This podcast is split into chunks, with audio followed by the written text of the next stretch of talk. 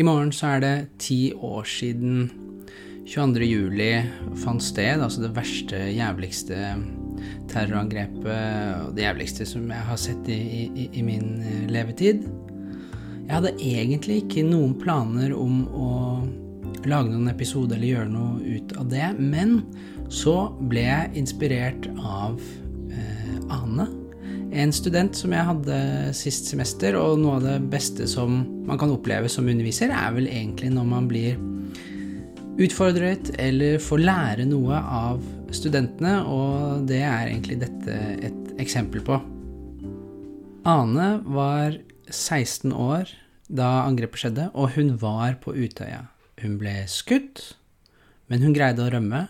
Hun ble skutt mot mens hun var i båt, men overlevde. Men Ane er selvfølgelig veldig mye mer enn en Utøya-overlevende. Hun er f.eks. også lærerstudent, og har derfor helt sånn unik inngang og perspektiver og refleksjoner, tenker jeg, på 22. Eh, juli og eh, hvordan vi bør tenke rundt det i skolen. I denne episoden så skal du få høre Anes fortelling fra Utøya, hvordan hun greide å overleve. Men du vil også høre oss uh, samtale om hvordan vi bør tenke omkring 22.07. i skolen og uh, undervisningen. Det inkluderer også undervisning på lærerutdanningen. Som vi skal høre i neste episode, så vet vi at det er mange lærere som kanskje naturlig nok kvier seg for å snakke om det som skjedde med elevene. Men jeg, jeg tror kanskje i møte med Ane og hennes uh, opplevelser både fra Utøya og som lærerstudent, så har jeg i hvert fall fått en ny inspirasjon, og det blir tydeligere for meg hvor viktig det er at vi tør og våger å fortsette å snakke om det som skjedde, helt konkret, også med barna og elevene i skolen, og også noe av den ideologien og det, det, det tankesettet som leder til disse helt avskyelige, forferdelige handlingene.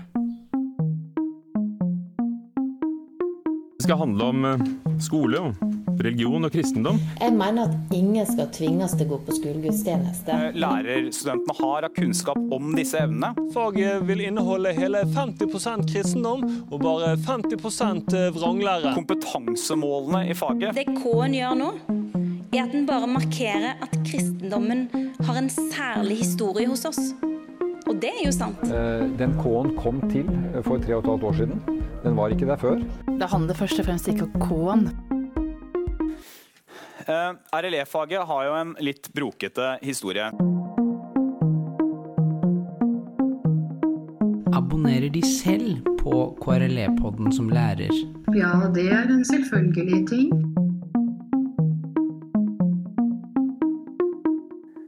Du hører på KRLE-podden med meg, Knut Aukland, og i dag så sitter jeg med Ane. Hallo, Ane. Hei. Hei. Du eh, er lærerstudent. Mm. Og dette semesteret så har jo jeg da hatt gleden av å ha deg som student i et RLE1-emne, RLE som vi kaller det, da, ikke KRLE. Um, ja, men eksamen og alt sånt er jo ferdig med det. Men jeg vet ikke om uh, hvor mye som sitter igjen nå, når uh, det har gått noen uker etter eksamen? Uh, det sitter igjen litt. Litt sitter igjen. Er mer, eh, er mer obs på religiøsitet rundt meg. Ja, ok. Mm. Det er bra. Da tror jeg vi har fått til noe, da. Mm. Men det vi egentlig skulle snakke om i dag, det var jo på slutten av semesteret så uh, tok du uh, kontakt med meg. Fordi det var noe som du hadde lyst til å uh, snakke om og sette litt mer fokus på. Hva var det som var bakgrunnen for det?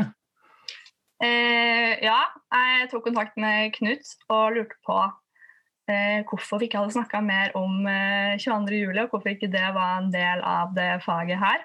Mm. Eh, fordi at jeg eh, tenker på det som en naturlig del av faget. Mm. Og det er et tema som kommer opp i faget når man skal ha det i skolen. og jeg syns det er rart hvis det forventes at vi eh, som lærere skal undervise om det og snakke om det i skolen, at vi ikke har eh, hatt mer fokus på det i eh, undervisninga vi sjøl har hatt. At det ikke bare er med den bisetninga eh, ja, som for, hvis man snakker om ekstremisme, da. Mm. Ja, som f.eks. 22. juli. Eh, og at man da tar det som en selvfølge at, eh, at alle vet hva det er snakk om. Mm. Ja, for, for, for jeg eh, Når du skrev det, så kjente jeg meg igjen på en måte i min egen undervisning. fordi når vi, når vi snakker om KRLE-faget og hensikten En av hensiktene med faget har jo med en type mangfoldskompetanse eller toleranse. Altså vi vil at elevene skal ha et positivt syn på forskjellighet, f.eks. For at de kan håndtere uenighet. Og, da, og så man, kan man jo da fort komme inn på eh, islam som tema. Det er mye liksom diskutert. Og islamofobi eller antimuslimske holdninger. Mm. Og da pleier jeg ofte å nevne, som du sier, i en bisetning Vi skal huske på Breivik Breivik 22.07, tankegodset der, og Philip Manshaus senere hen. Men så går jeg ikke noe mer inn på det, og vi har heller ikke noen egen økt f.eks. om 22.07, juli, hvordan Ja, eller det kunne jo være 22.07 og Philip Manshaus, hvordan undervise om det. Ja. Eh, og hvordan snakke om det. For jeg tenker det er jo viktig i mange fag, i alle fag, og egentlig uavhengig av fag, men i, også ikke minst i, i KRLE, da. Mm. Det, var, ja, det var litt at jeg satt igjen og følte vi var ferdig med all undervisning. Mm. Eh, og at vi snakker om Vi snakker om hvordan vi skal håndtere elever sine meninger. Skal vi, hva skal vi si hvis en elev kommer med eh, utsagn om religioner? Hva skal vi gjøre da? Men vi har jo også Hva gjør vi når elever kommer med utsagn eh, som kan være støttende mot Breivik eller Philip Manshaus? Hva, hva gjør vi det da? Hvordan snakker vi om det da? Mm. Eh, skal vi diskutere det? Mm. Eh, de tingene der, da. Mm. Ja, og kanskje som du også da har påpekt, da, at eh, enda mer basic, på en måte. Fordi det vil jo være sånn kontroversielle ytringer, men du kan jo også bare ha elever som spør hva var det som skjedde da? Jeg hørte at det var en mann som drepte folk på en øy. Ja. Du, jeg lurer på om ikke du hadde en eller annen eh, erfaring Ja, med det? Eller? Jeg hadde en, eller var vikar eller assistent i en klasse, og så kom det en eh, elev i andre klasse og spurte læreren du, jeg har hørt at det var for noen år siden så var det en mann som, eh, eh, som drepte masse ungdommer på en øy. Eh, hva, eh, hva, hvorfor gjorde han det? Hva skjedde da? Mm. Og så svarer læreren eh, ja, det, det, er sant, det skjedde. Eh, men vi, vi, skal ikke snakke om det nå, vi snakker om det senere. Eh, og da, som, som kanskje burde nevnt aller først, så var jeg sjøl på UTA, og derfor er jeg også interessert i dette temaet. Men da kjente jeg at det, det stakk litt i meg. At skal vi ikke snakke om det, skal vi ikke eh, forklare hva som skjedde Eller det er en ting å forklare hva som skjedde, Mm. men hvorfor skjedde det?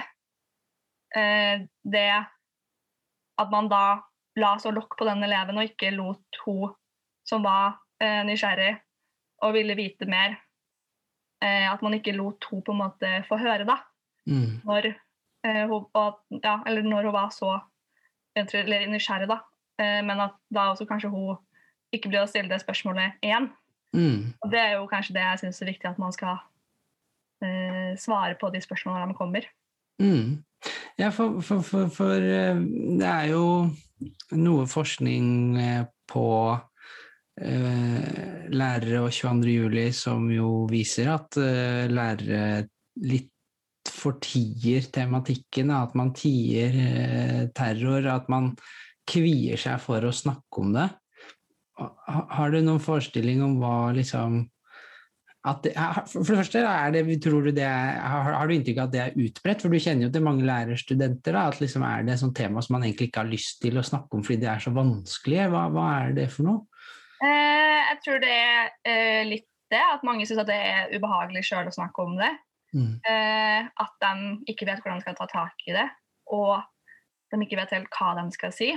Og jeg tror at det er Eller at det kanskje kan liksom oppfattes som mer komplekst enn det det er, når det er snakk om eh, politikk, ideologi eh, Mye, da. Man kan som ja, Man tenker at det kanskje er liksom for komplisert da, å forklare for, eh, for elever.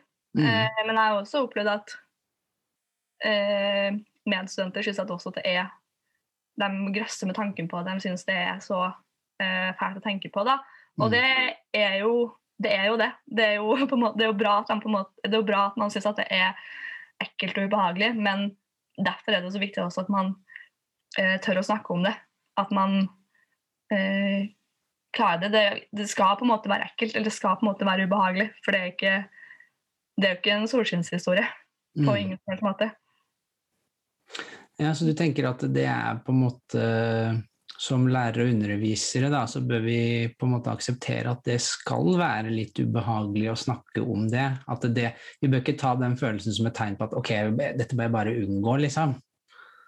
Nei, jeg tenker at det er jo Ja, det er mye som er ekkelt og ubehagelig å snakke om, men man gjør det likevel. Man må øh, Ja, i skolen man må ta tak i det. Det er flere temaer som man kvier seg for å gå inn på. Psykisk helse er et eh, under, under, på en måte underkommunisert tema i skolen, det òg. Fordi at det er ubehagelig, det er ekkelt, det er vanskelig.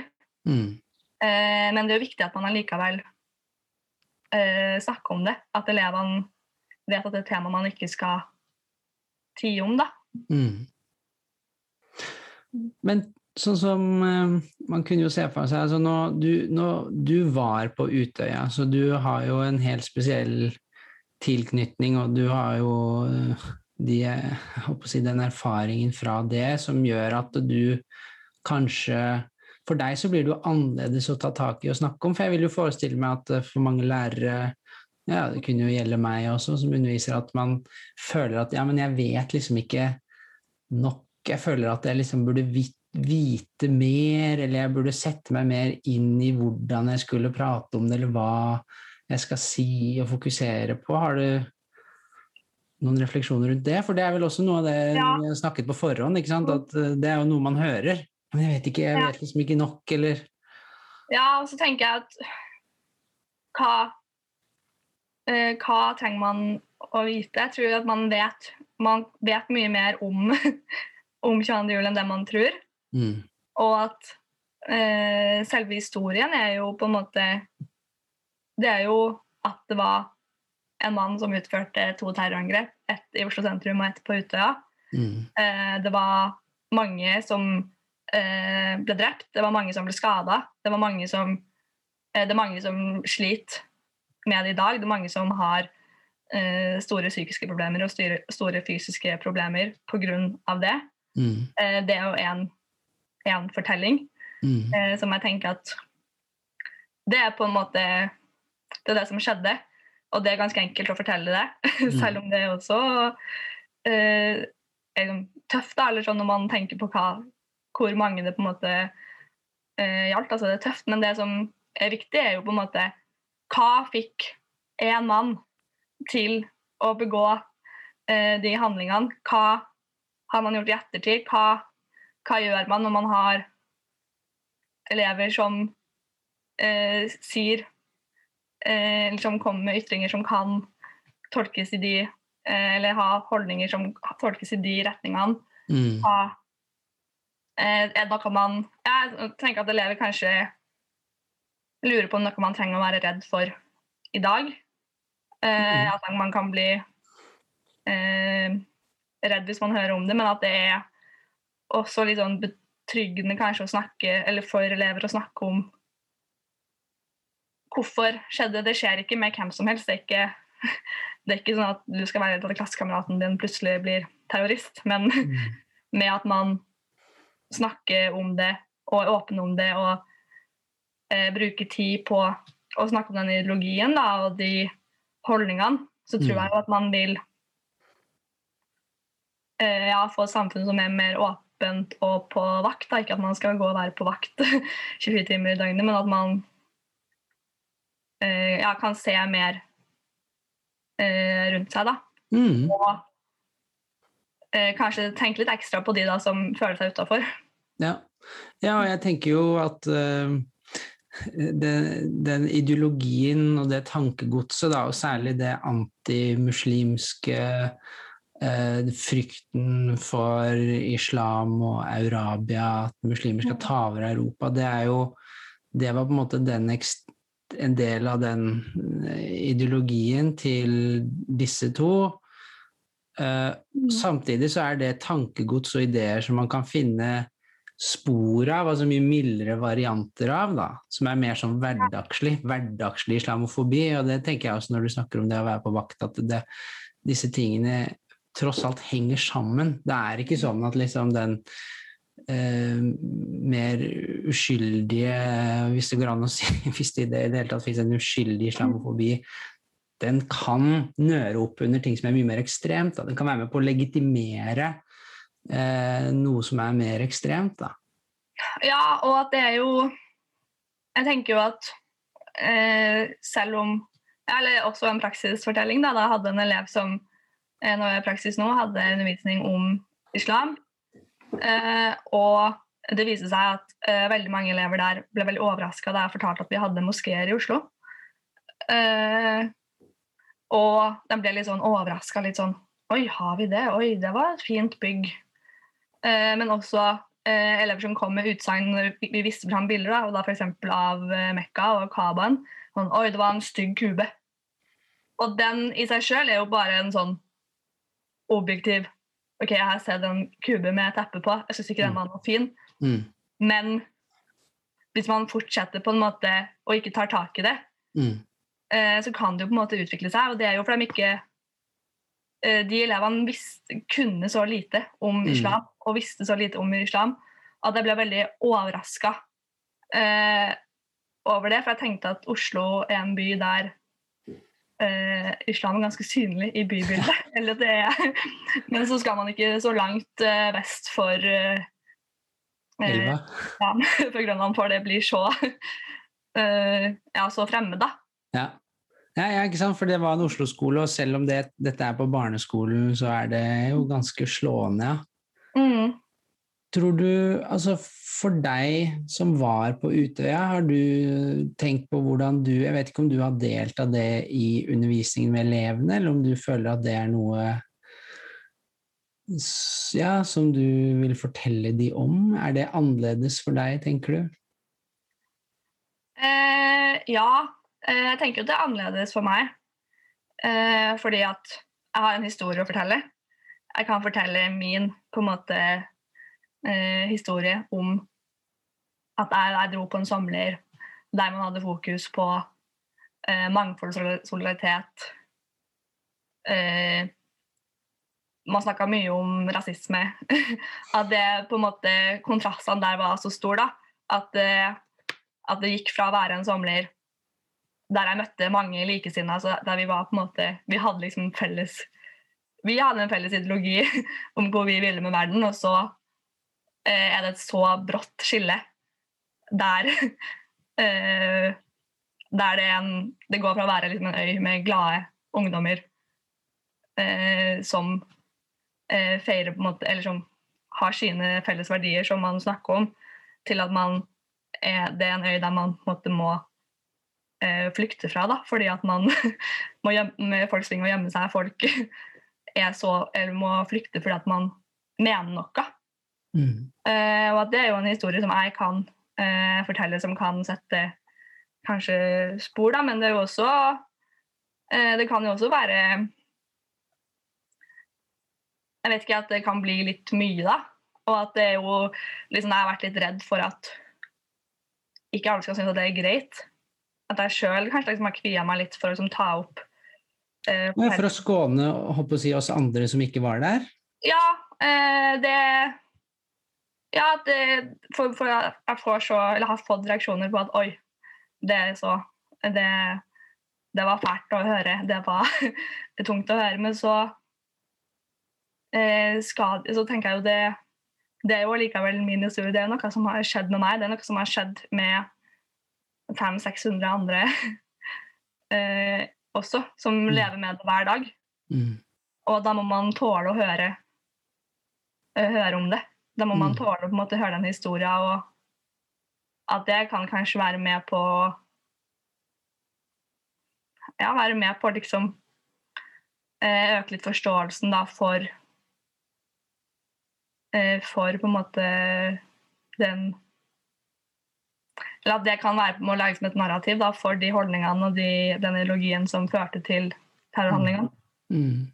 Ja, ok, for jeg vil jo på en måte jeg vil jo, for Det første jeg tenkte, var jo egentlig litt omvendt. At det er jo også, vil jeg forestille meg, en byrde for deg og for, for de av dere som var der og som overlevde og, måtte, og skulle fortelle om det, eller måtte fortelle om det, eller føle at man bør fortelle om det. For da må man jo på en måte også ja, gjenfortelle og gjenleve, og liksom også fortelle det til andre. Så man vet jo ikke helt hva man får heller. Så som du sier, det man kan ja. få er liksom Hei, wow, det var litt mye. Eh, når du forteller om eh, antageligvis da, det verste som du kanskje har opplevd i ditt liv, da. Mm. Ja, men så opplever jeg også at folk uh, blir veldig glad for at jeg vil fortelle. Uh, fordi at de de lurer jo også på en måte på hva, uh, hva som skjedde. Mm. Uh, og det er jo kanskje de folkene som jeg får relasjon til, som lurer veldig på hva som skjedde med meg. Hva er min historie? Mm. Uh, og det er jo Og det, er jo, det tror jeg veldig mange som var på Utøya, har ikke problemer om å snakke om det fordi at man har snakka så mye om det. Man har på en måte man er vant til det? Vant ja, man har gjenfortalt den historien så mange ganger. Mm. Og at det er jo Og det er selvfølgelig forskjellig fra person til person. Men jeg tror at veldig mange vil fortelle. Mm. Og at eh, ja, det er slitsomt. Det man blir Man kan få bli utblåst etterpå fordi at det tar på, men mm.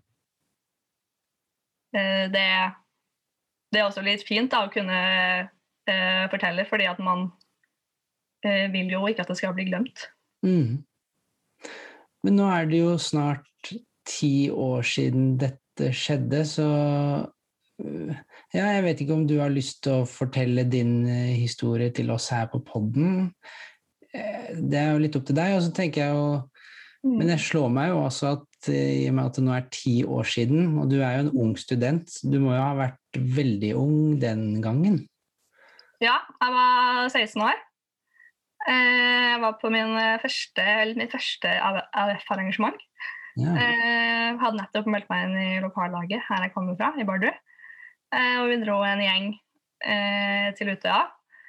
Og det var Det var helt sinnssykt artig. Eller det var veldig, veldig Det var bare så morsomt. Eller sånn Alt av politiske verksteder og besøk av Jonas Gahr Støre og gikk rundt og ropte 'Jonas Gahr, superstar'. Og det var eh, full Ja, det var veldig god stemning.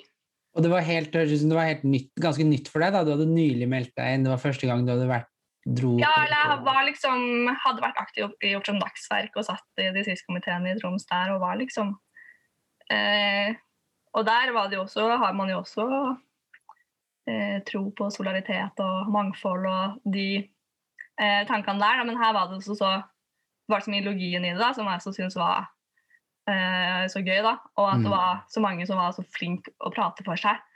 Jeg ble så imponert over eh, AUF-ere som var liksom like gamle som meg, som gikk og stilte kritiske spørsmål til Jonas Gahr Støre og Gro Harlem Brundtland. Jeg ble litt sånn Oi, kan man, kan man stille sånne spørsmål til sånne store politikere?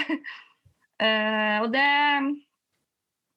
uh, Så det var jo litt sånn ja, det var, var, veldig artig, liksom. Og så vidt som orka gå og legge seg, for det var så gøy å sitte og høre på eldre ungdommer som diskuterte og spille kort og de tingene der. Og så kom jo da den eh, fredagen da, eh, da det var Ja, det var veldig dårlig vær. Det var Ja, så vi Og det er jo ikke så Det er veldig gøy å sove i telt når det er eh, sol og fint vær. Ja. Eh, men når det eh, bøtte ned. Da er det ikke så gøy lenger. Og da, eh, så da ble mye av programmet ble flytta eh, inn, i, eh, inn i Storsalen, som det heter. Eh, og det var der det var verksted med Gro Harlem Brundtland. og jeg husker jeg følte jeg satt så nært, for det var så, det var så mange Eller det var så lite rom, og så mange som var inni. Og jeg var sånn Oi, nå sitter jeg så nært Gro Harlem Brundtland, liksom. Um, og så fikk man jo beskjed på ettermiddagen at det hadde vært et terrorangrep i Oslo. Mm. Og da ble jeg veldig jeg ble veldig bekymra, for jeg hadde tante og onkelen min jobba i politiet i Oslo. Mm. Uh, og ja, hadde familie som ja, var i Oslo sentrum, eller som jeg visste at kunne være i Oslo sentrum. Og da ble jeg veldig bekymra for det. Jeg husker jeg ringte mamma og var sånn Det skjer et, det har vært terrorangrep i Oslo, og jeg har du hørt med Og hun skjønte liksom ikke den frykten, eller at jeg var så bekymra. Eh, og liksom fikk Ja. Jeg syntes at det var litt sånn ubehagelig, da. Eh, og sånn, ja, ja, vi, vi er nå her, da. Vi er på Utøya. Her, her kommer jo ingen ut uansett, så det går bra med oss.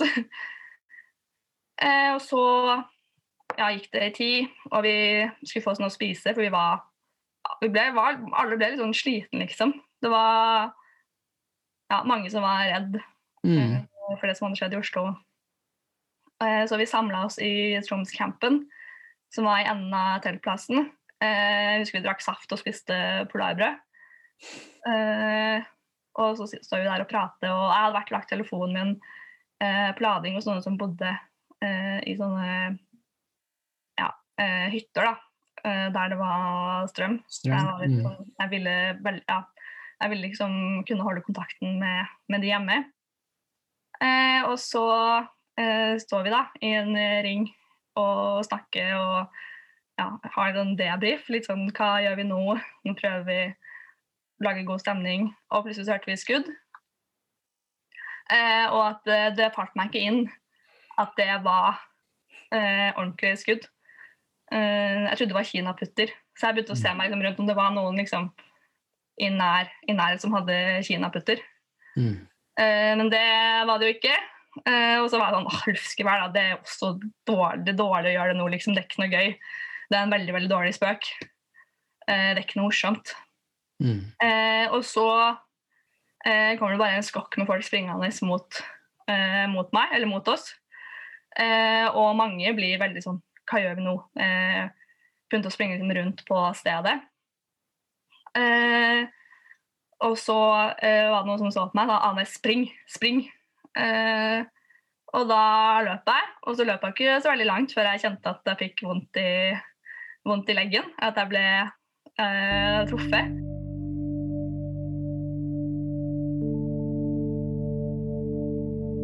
Hadde på meg tjukke eh, gummistøvler.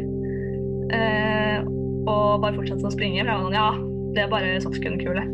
Det, det må være softgun-kule, det kan ikke være noe, noe annet. Så jeg fortsatte å springe. Sprang Ja, sprang rundt rundt ned til en ja, odde der jeg så at folk begynte å svømme. Og det var da, først da jeg sjøl eh, oppdaga at jeg hadde et, ja, for jeg måtte ta av meg gummistøvler. Tenkte det var dumt å svømme med gummistøvler. eh, tok av meg og så at å, jeg hadde hull i sokken. Eh, det, det jeg visste ikke at softgunkuler var så, var så hard. Og så tar ned sokken og ser at jeg faktisk har et hull i leggen. eh, som var ganske sånn Og der liksom skjønte at oi, det her er faktisk ikke tull. Det her er For jeg hadde på en måte bare sprunget for at det var så mange andre som sprang. Mm. Og at jeg så at det var så mange andre som var så redd. Mm. Uh, så det er sånn, Fram til da så hadde jeg litt den følelsen vi hadde da vi var barn og lekte ringestikken. Og så kom uh, de som bodde ut idet vi ringte på sprang etter Og Det var liksom litt den følelsen jeg hadde helt til da. Helt til da jeg skjønte at oi, det her er faktisk ekte.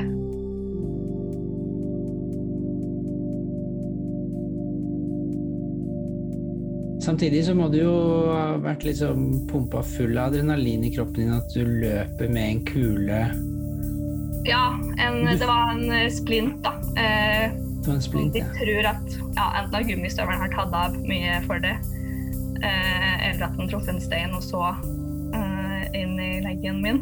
Ja.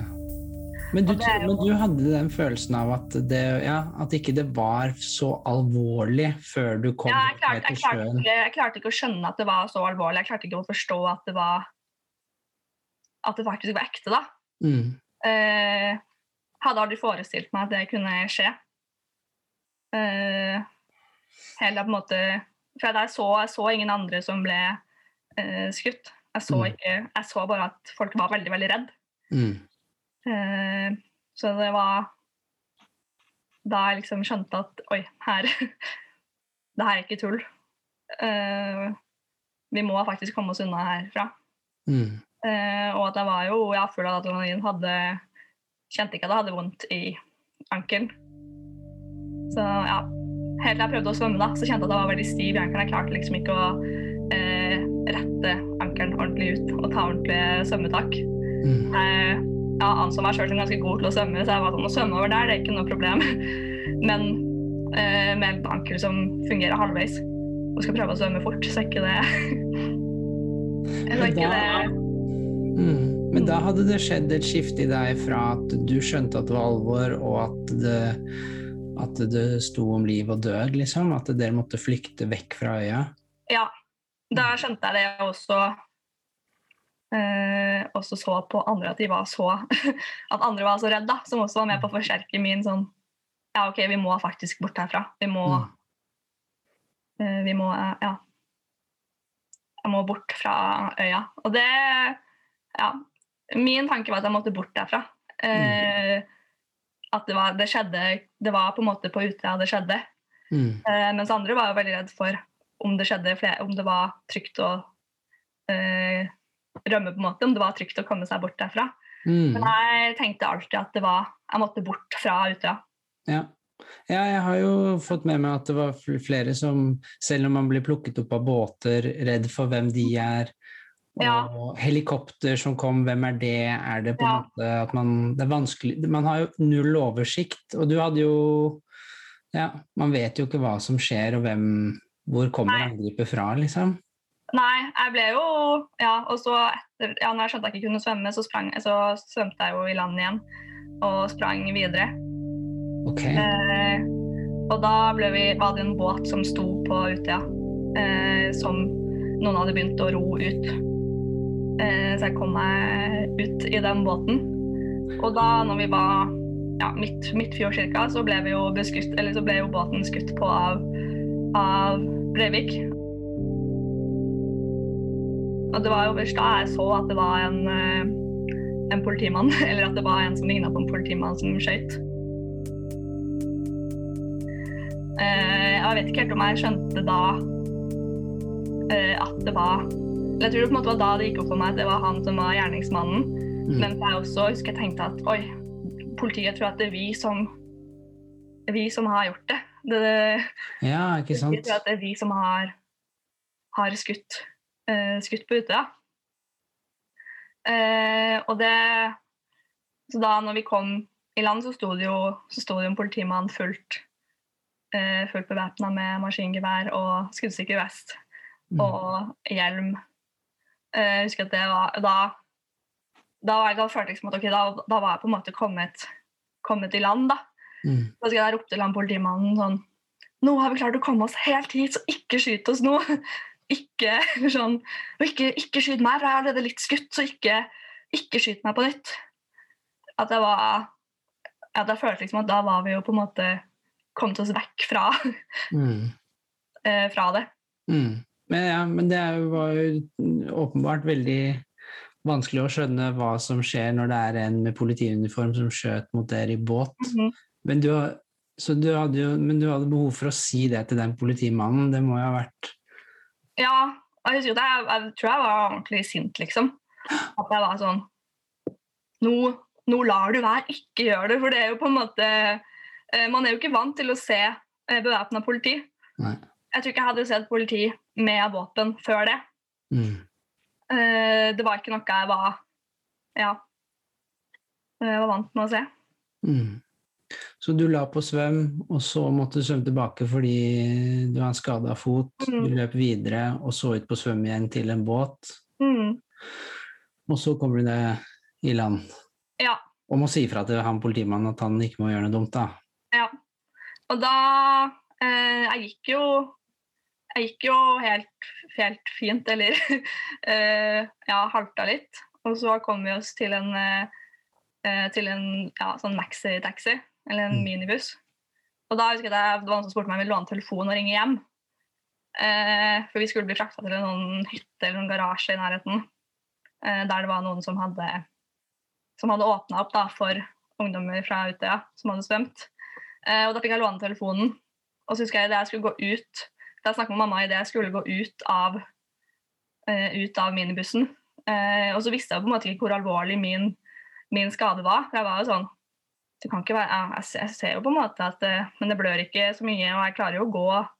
Eh, så skal jeg ringe til mamma og, så, og sa hei, hei mamma, det, eh, det, har vært, det, har vært, noen som skyter på Utøya. Og mamma var jo eh, Da var hun ikke like rolig som hun hadde vært da jeg hadde snakka med henne tidligere om, om terrorangrepet i Oslo. Eh, og ja, hun ble bare veldig veldig glad. Jeg kunne jo ikke prate, prate med så lenge, for det var jo så mange som ville ringe hjem. Mm. og da husker jeg at jeg gikk ut og da skulle gå ut av den minibussen, så kjente jeg liksom fikk vondt i ankelen da jeg trødde ned, så jeg sa au. Men jeg ville ikke fortelle henne eh, at jeg var skutt. Mm. Jeg ville ikke at hun skulle bli mer bekymra enn det var. For jeg visste ikke hvor, ja, jeg, jeg, jeg, visste ikke hvor lang tid det var eh, før jeg kom på sykehuset. Mm. Eller før jeg fikk noen som kunne se på det. Så jeg lar mm. bare være å fortelle det nå til jeg vet at det kommer til å gå bra. Uh, men da sa au, så hva, hva skjedde? Du, er, er du ute? Går det bra? Jeg bare, ja, ja, jeg trodde bare på en stein.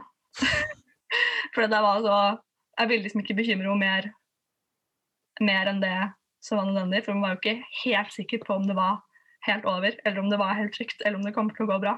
Mm. Um, ja, Så du var fortsatt opptatt av å skåne moren din, ja, selv om du går rundt med noe inni i leggen din, og du har flykt, flyktet da fra det verste terrorangrepet i Norge, da. Mm. Mm. Men øh, jeg vet ikke om det er sånn at man på et eller annet tidspunkt i etterkant, om det plutselig går opp for en hva som har skjedd og hva man har sett. For jeg vet jo ikke hva du så ja. underveis, men det var jo utrolig mange som ble skutt da, og, og, ja. og drept. Nei, jeg kan ikke huske å ha sett noe. Mm. Men øh, jeg vet jo ettertid at jeg har løpt forbi jeg løp jo forbi kaia på Utøya eh, rett før jeg ble plukka opp i den båten. Mm. Eh, og der var det jo flere som var drept. Men jeg kan ikke huske å ha sett det. Jeg vet ikke om, jeg, om det er noe jeg har fortrengt, eller om jeg faktisk bare så rett foran meg og mot, mot dit jeg skulle. Mm. Men jeg husker at det gikk opp for meg Jeg husker at de var veldig sånn Når jeg til slutt kom meg på sykehus, i halv ti-ti-tida på, eh, på, kvelden, eh, så husker jeg de ville, de ville liksom skjerme meg mest mulig. At de ville ikke at jeg skulle på en måte se, vite hva det var som hadde skjedd.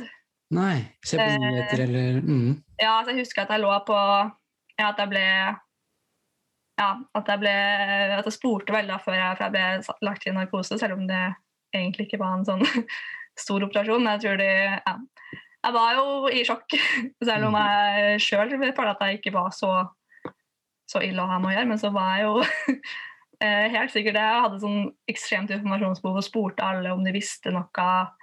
Eh, for det var jo mange jeg ikke hadde sett, som var fra eh, Troms. Ja, din delegasjon som du ja, hadde reist med? Ja, min delegasjon. Det var mange der jeg ikke hadde sett. jeg hadde kun møtt ei venninne fra Bardu. og hun når jeg møtte henne, så var hun også helt i sjokk, for hun hadde nettopp sett eh, broren sin bli båret i en båt uten å vite om han levde eller ikke. Og at, uh, at jeg visste så lite, da. Mens jeg spor, prøvde å spørre hva, hva som skjer, hvor mange, hvor mange som er døde, hva, hva, har skjedd. Men de ville ikke fortelle meg noe. Så jeg husker at jeg skulle bli trilla på, på do etter at jeg ble operert, eller når jeg våkna fra operasjonen. Uh, så husker jeg det var et sånn vaktrom uh, som, uh, der de satt på vakt. Og Så husker jeg da så en TV der inne og sperra ut armene da, og tok tak i døra. for jeg ville se hva som var på den TV-en. Mm. Og da husker jeg at de første tallene var jo veldig mye høyere enn det enn de faktiske tallene. Og da sto det at det var noe rundt 80, 80 døde. Og da, var da kanskje skjønte at det er noen jeg kjenner som er død. Mm jeg kjenner, jeg kjenner noen som er eh, drept. Mm. Og at da eh, Da hadde jo, visste jo egentlig ikke hvor mange som var der, og da begynte jeg å tenke på alle de som jeg ikke hadde sett. Mm. Eh, at oi, er det alle de? Eh, det, det var jo heldigvis ikke det, men det var jo allikevel en del jeg kjente som eh, ble drept, da. Det var da jeg skjønte hvor, hvor stort det var, eller hvor, hvor mye Hvor mange som var drept.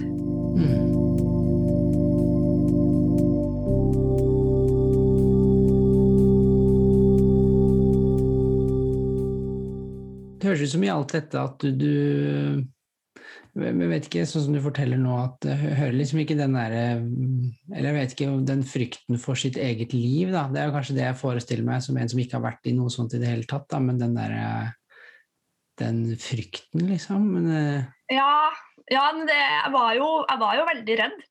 Men jeg tror ikke jeg tenkte sjøl at jeg kommer til å dø noen gang. Jeg tror ikke jeg Det er jo Det er jo litt sånn eh, Jeg har jo i voksen alder fått veldig høydeskrekk. mm, Og da er det jo sånn at jeg ofte sier sånn «Å, Herregud, jeg var på toppen på det fjellet, jeg trodde jeg skulle dø. mm, Det første gang jeg trodde jeg skulle dø. Og så sier folk sånn Men Anne, du, du var jo på Utøya, jeg trodde ikke du skulle dø da. mm, Men jeg hadde ikke den Jeg var jo redd, men jeg, jeg hadde ikke den sånn døds, dødsangst eller døds... Jeg, jeg, tenkte ikke, jeg tenkte ikke på det. Jeg tror jeg var for, konsentrert, eller for konsentrert om å bare komme meg vekk. mm, Og at uh, Ja. mm. Det fikk du jo til, da. ja. Jeg kom meg jo ja. Men det Ja. Det falt meg aldri inn at jeg kommer til å dø her. Jeg hadde aldri den tanken. Mm. Jeg ser jo nå, nå som det er gått ti år, så har, det jo, øh, har det kommet en del bøker. Mm. Og jeg, en av de som ikke jeg har fått lest, da, men det er en som heter 'Ingen fred å finne'. Jeg vet ikke om du kjenner til den? Eh, nei, akkurat den kjenner jeg ikke til. Men det handler jo da om, eh, sånn som jeg skjønte, særlig fokus på de overlevende, da, som du er en av. Mm. Og hvordan har det gått med dere, liksom. Det er litt utgangspunktet for boka. Mm. Så det er jo selvfølgelig mange som jo, som du også nevnte tidligere, da har vært veldig plaget, både fysiske og psykiske ting. Mm. Så jeg vet ikke hvordan det har vært for deg eh, sånn i etterkant. Nei, jeg bestemte meg ganske tidlig at det ikke skulle på en måte påvirke meg så mye. Ja. Eh, og var, tror jeg har vært ganske liksom, hard mot meg sjøl i ganske mange år. Eh, ikke på en måte ville ha hatt noe tilpasning i forhold til studier. Eh, jeg, fikk, jeg, skulle jo gå to, jeg hadde jo to år igjen på videregående etter 22. juli.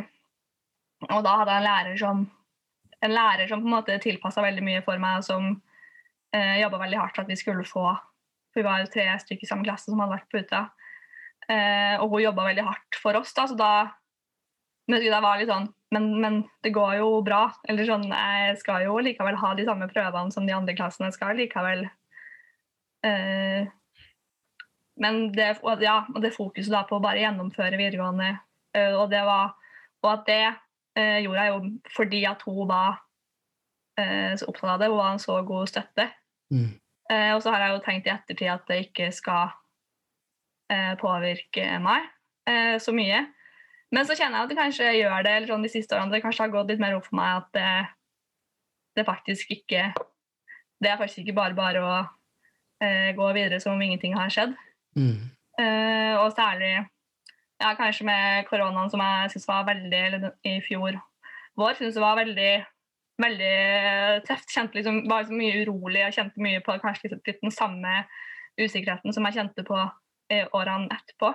Mm. Etter 22. juli. At det var litt det at du ikke vet, vet helt hva som skjer om en måned. Mm. Eh, At jeg er veldig opptatt av å liksom vite hva jeg skal gjøre Mm. eh, fram i tid. Mm. Og det tror jeg jo er Ja. Og det er vanskelig å si om jeg hadde vært sånn utenom. Det kan Mm. godt hende at jeg hadde vært opptatt av det hadde det ikke vært for, uh, for 22. juli. Men at jeg er veldig Jeg vil gjerne liksom ha kontroll på det som skal skje uh, fremover i tid, da. Mm.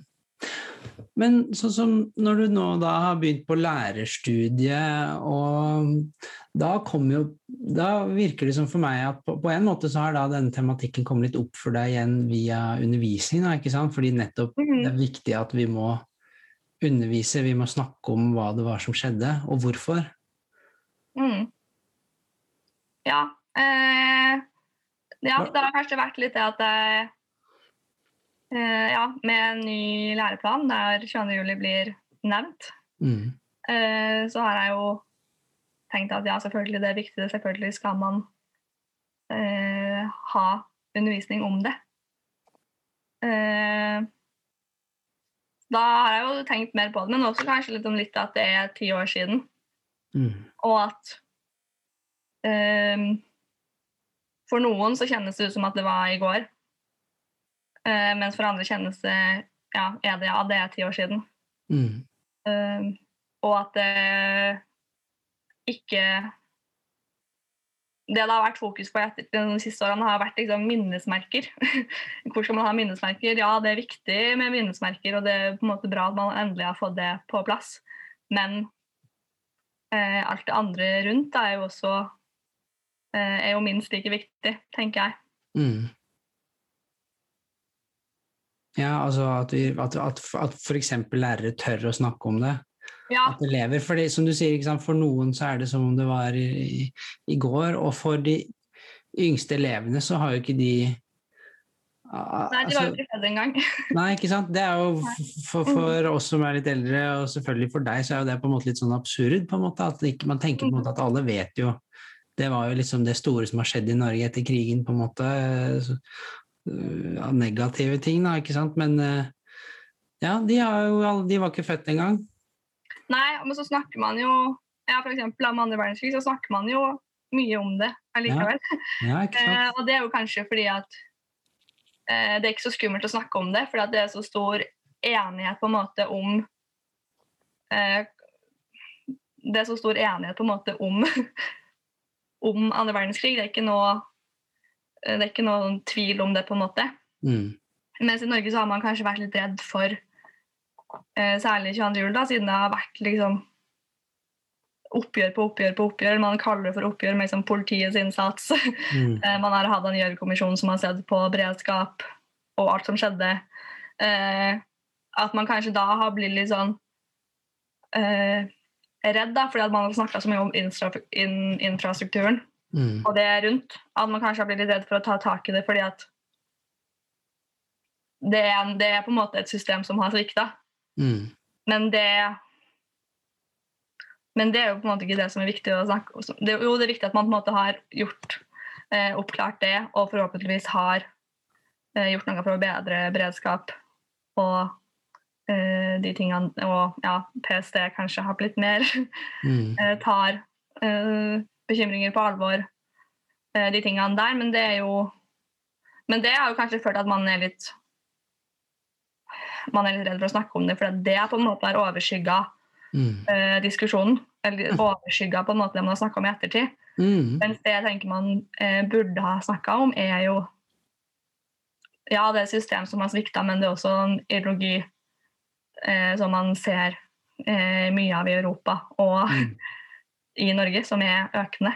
Mm. Ja, og så syns jeg jo, som du sier, at på en måte når, vi, når man står i klasserommet og, og, og elever lurer på hva som har skjedd, så er på en måte alle de diskusjonene rundt, som du sier, infrastruktur, minnesmerke, men på en måte eh, Kjernen, holdt jeg på å si, er jo at det er en person som kunne gjøre så mye skade, og Mm. mange mennesker ble drept, mange ble skadet, og det var motivert av visse typer ideer, tankegods og Mm. holdninger, og det er på en måte kanskje der som det er på en måte noe som vi kan formidle i skolen, og som man ikke trenger noen sånn superkompetanse for, eller på en måte studere i mange år for å kunne formidle det, da. Ja, det, det er ja, det er liksom som jeg snakka med de studievenninnene mine om. da. Jeg spurte de, eller spurte om de hadde litt de samme oppfatningene som meg. Og da kom det frem at de var litt redd, da, for de kunne ikke nok om det. Mm.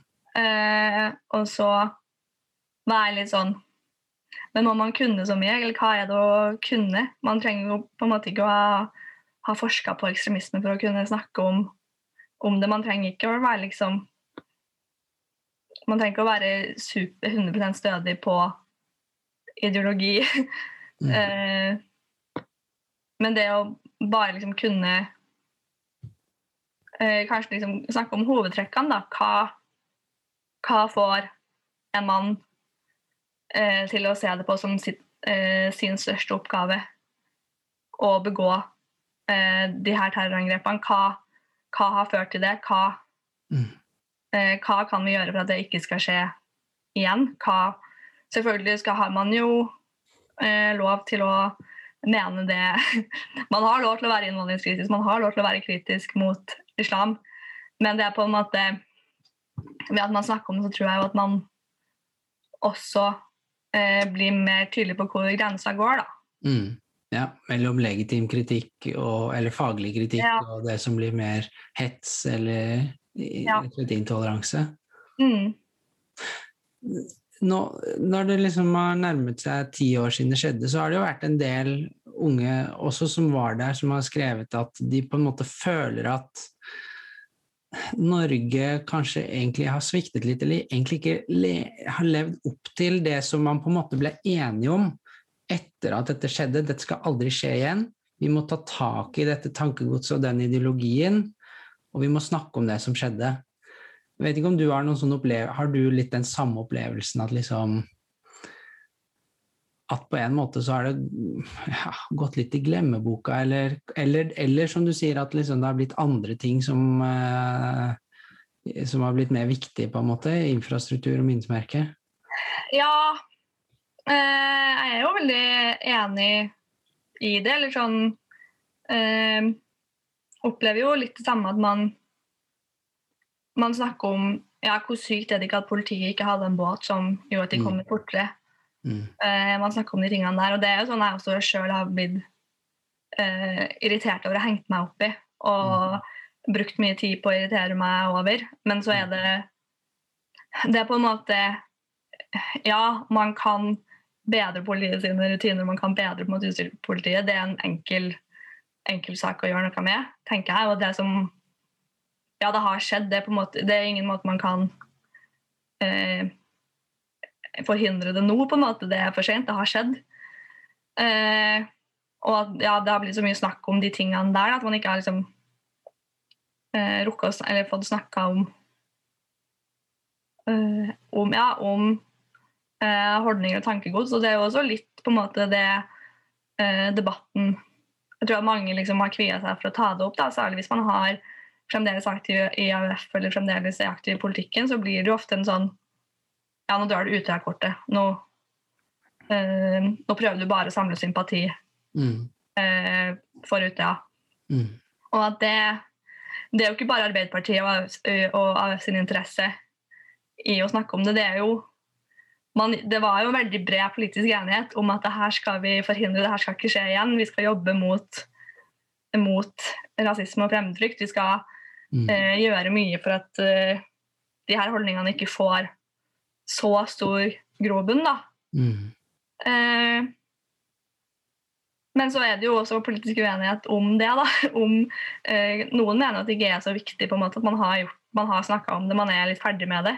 Mm. Men så tror jeg det sitter, eh, det sitter mange tidligere AUF-ere der ute eh, som føler at de ikke er ferdig snakka. Eh, som leser kommentarfelt. Det er nesten hver gang en tidligere AUF-er som var på Utøya, eh, har et kritisk eh, innlegg i media, så får de drapstrusler. Mm. Eh, så, så, er det, så er det voksne folk som sitter og skriver skikkelig skikkelig stygge ting. Mm. Og da tenker jeg da er man ikke ferdig med det. Da har man ikke tatt et godt nok eh, oppgjør, det. Da er man ikke, da er man ikke ferdig snakka. Hvis, hvis voksne folk tror at det er greit å sitte og eh, skrive de tingene eh, på nett, eller si det høyt ut, da er man ikke Da er man ikke, da er man ikke ferdig med det. Nei. Det skal ikke være sånn at man eh, som, eh, ja, som overlevende fra Utøya skal være redd for å eh, uttale seg eller snakke om 22. juli eh, fordi at man er redd for at noen skal uh, komme med drapstrusler eller skrive skrive fæle ting. Da. Eller sånn, det, det skrives så mye stygt. Mm. Ja.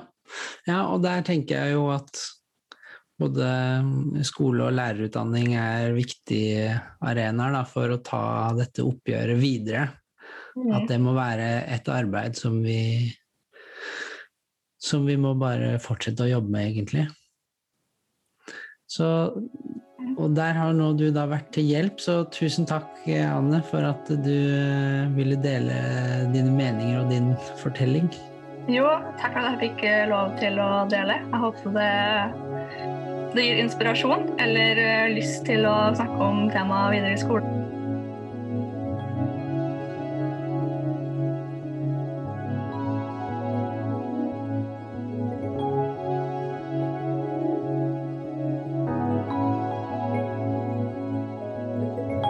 Takk til Anne Kollen Evenmo. Bakgrunnsmusikken har vært av Lee Rosevere.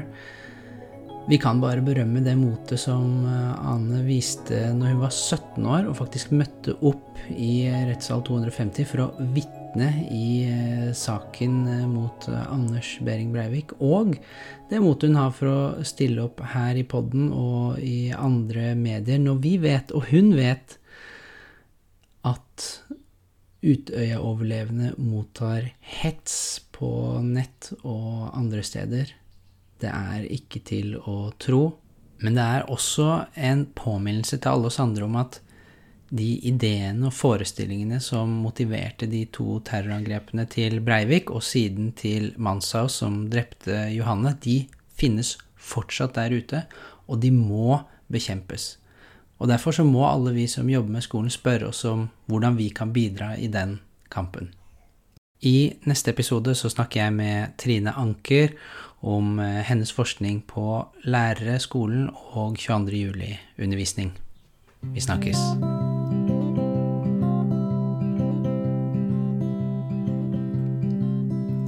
I dag er det en uke siden min lillebror skulle vært der.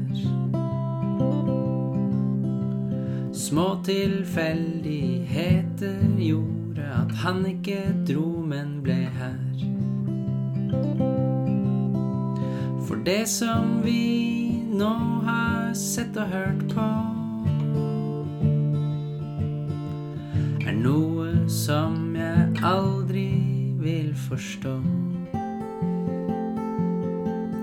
22.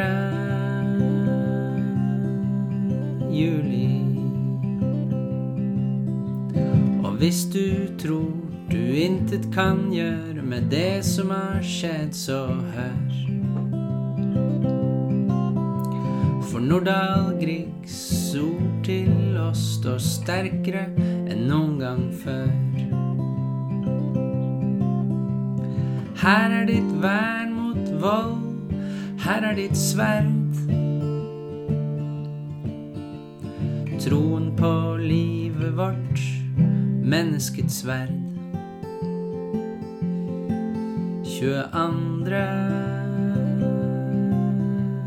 juli.